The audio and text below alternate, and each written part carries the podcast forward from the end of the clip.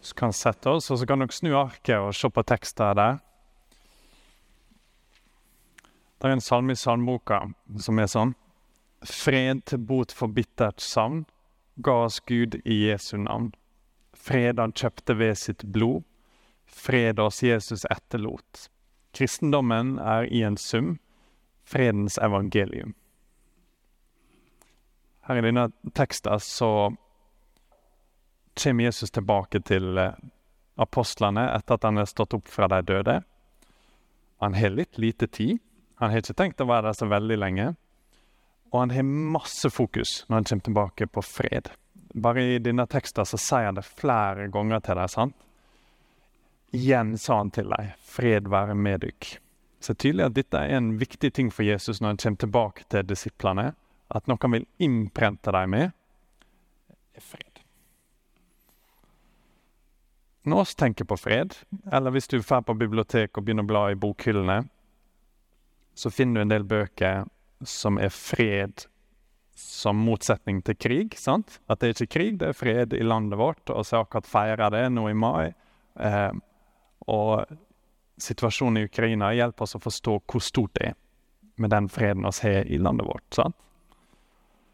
Og hvis du blar videre i bokhyllene, så finner du en del bøker som er indre fred. At i stedet for stress og uro, i stedet for kaos på jobb eller i familien, så kan du ha fred. Da. Ser du for deg sjøl på hytta i pinsa, sant? Da sitter jeg og slapper av, og så er det fred.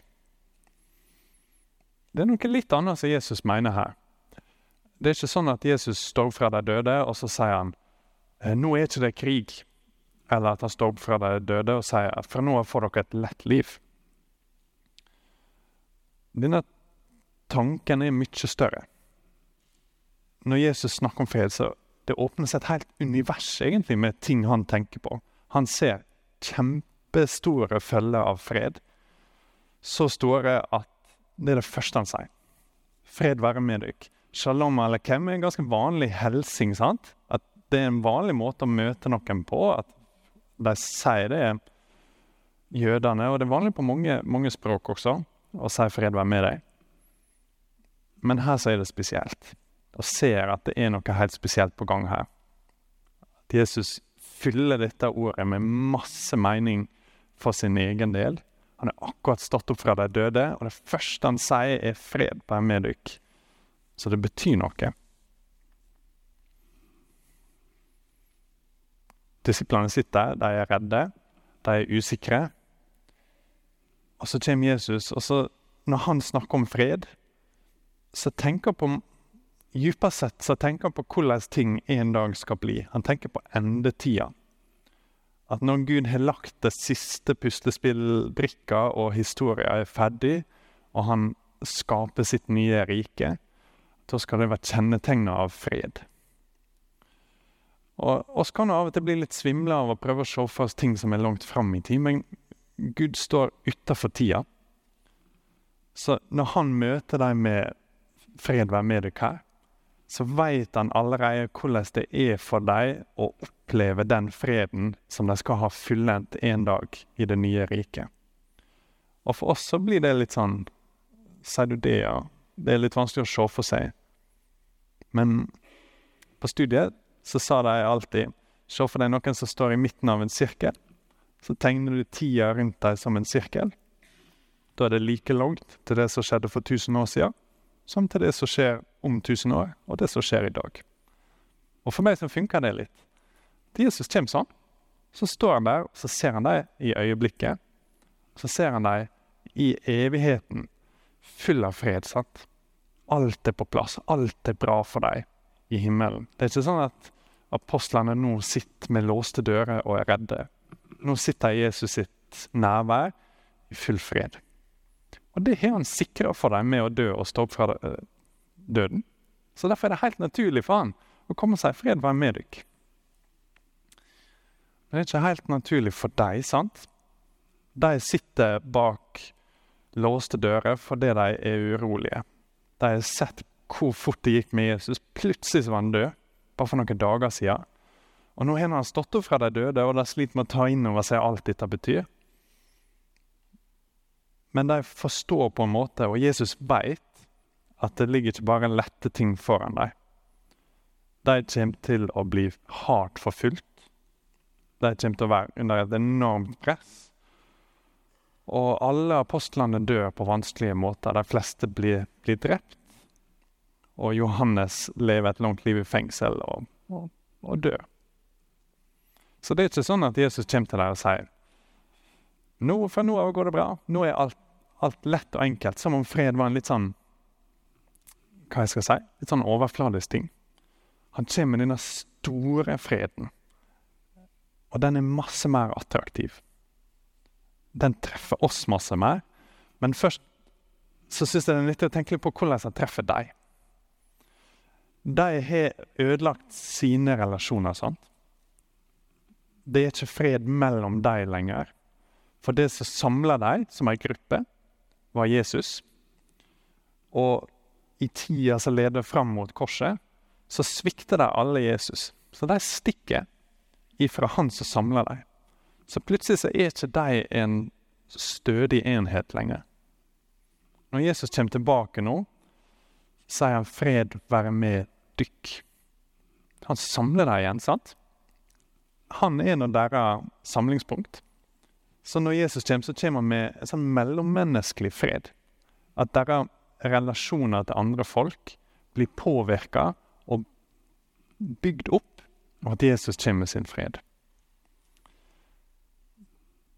Jesus kommer også med en fred til deg sjøl, sant? At det er ikke lenger fred inni deg. De har ikke fred med seg sjøl, hvis du kan si det sånn. For de har svikta sin beste venn. De hadde store tanker om hvordan det skulle være, og ser det tydeligst i Peter, sant? som har denne store planen at sånn skal det bli. Og så faller alt i grus. Og så kommer Jesus nå og sier 'fred være med dere'. Og så smiler han til dem. Han må smile til dem her. Det er umulig å se for seg dette som en sånn 'fred være med dere'. Klart Jesus smiler når han sier dette. Det er sånn varme i denne teksten som fikser det som er ødelagt inni dem. Den freden han kommer med, den treffer dem der de var ødelagt. Og med det så fikser han også forholdet mellom deg og Gud. Sant? Det har vært ufred mellom deg og Gud, og nå er det fred mellom deg og Gud. Det er enormt. Det vil ta deg resten av livet deres og prøve å ta inn over seg hva dette virkelig betyr. Men jeg tror de kjenner det allerede her.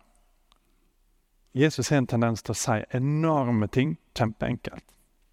Og det er et tegn på geni. sant? Det er veldig vanskelig. Han kommer og sier noe så stort med helt vanlig hilsen. Fred være med dere. Og så betyr det liksom uendelig masse for deg, sant? Men det betyr ikke et enkelt liv for deg. De vil bli forfulgt. Og det er ikke nok for deg at freden bare er der i teorien.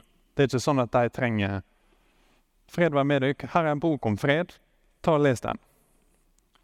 De får nok masse mer. Han puster på dem. Med disse ordene andet han på dem og sa 'ta imot Den hellige ande'. Litt uklart for meg akkurat hva som skjer her, sant? for hvordan henger dette sammen med at Den hellige ande kommer pinsedag, en god del seinere. Jeg tror den enkleste forklaringa er at Jesus viser fram til det. At det er en sånn OK, det som skal skje, er at Den hellige ande skal komme. Jeg synes Det gjør det iallfall lettest å forstå for meg. da. Det er ikke sånn at Jesus bare gir deg fred i det generelle. Men et godt tips. Hvorfor være inne når alt håp er ute? sant? Fred være med deg. Det er ikke sånn. Det er Han ande på deg. Han sier 'ta imot Den hellige ande' fred være med dere. Når Den hellige ande kommer, dette har vi snakka masse om Den hellige ande kommer, kobler deg og kobler oss på Jesus. Når Den hellige ande kommer og bor inni oss, så er det ikke lenger sånn at Jesus er fjern eller distansert. Han kan oppleves sånn. Men det faktiske forholdet, sånn som det virkelig er, er at vi er ett med Jesus. Bibelen snakker om det masse. At vi er i Kristus at vi er forent med Han, at vi er knytt til Han. Så Den hellige ande kommer med fred. Og vi blir ikke bare kobla på en eller annen intellektuell fred, vi blir kobla på freden sjøl. Her er freden i egen person. sant? Når Jesus kommer og sier 'fred være med dykk', så er det fordi han er fred topp til tå. Han har ordna en fred som han kan dele med deg, og Den hellige ande kommer som det naturlige til å koble deg på den. Så livet deres fra nå av blir fullt kaos, masse stress, masse fengsel og masse styr. Men det blir kobla på Jesus. Så det blir fred. Der er fred mellom deg, der er fred mellom deg og Gud, og det er fred inni deg. Og når det da regner og stormer, så er ikke det så gale lenger.